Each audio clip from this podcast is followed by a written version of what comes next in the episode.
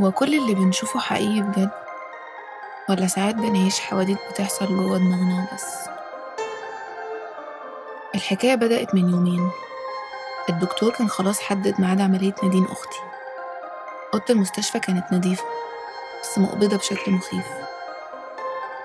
الليلة الأولى صحيت في نص الليل على صوت أطفال بتعيط بشكل مخيف.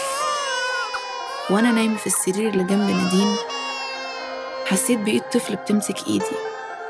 بس أول ما فتحت عيني ملقتش أي حاجة. قمت أدور على الممرضين عشان يطمنوني على أختي. بس لما طلعت في الكوريدور ملقتش أي حد. الغريبة إني لقيت كل الممرضات متجمعين في أوضة واحدة في آخر الممر. قافلين على نفسهم.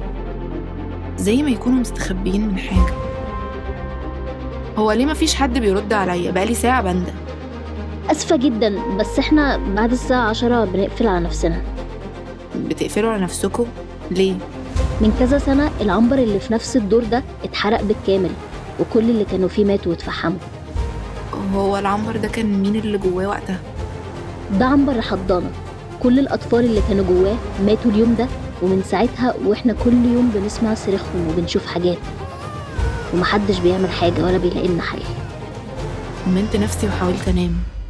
قلت لنفسي اننا خلاص هنمشي بكرة من المكان ده بس اللي حصل تاني يوم كان غريب.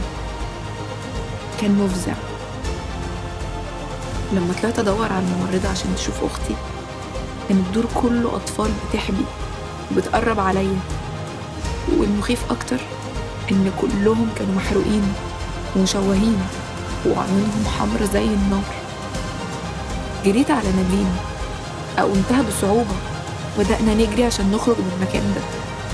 وأول ما بقينا في الشارع بصيت بصة أخيرة على المستشفى. لقيت إن البوابة مقفولة بجنازير من بره والشبابيك كلها متمسمرة. وفي الدور الأخير وقف طفل مرعب بيشاور لي وهو بيضحك. كان بيشاور على حاجة ورايا. أول ما لفيت لقيت عربية بتجري بسرعة بتدوس على نادين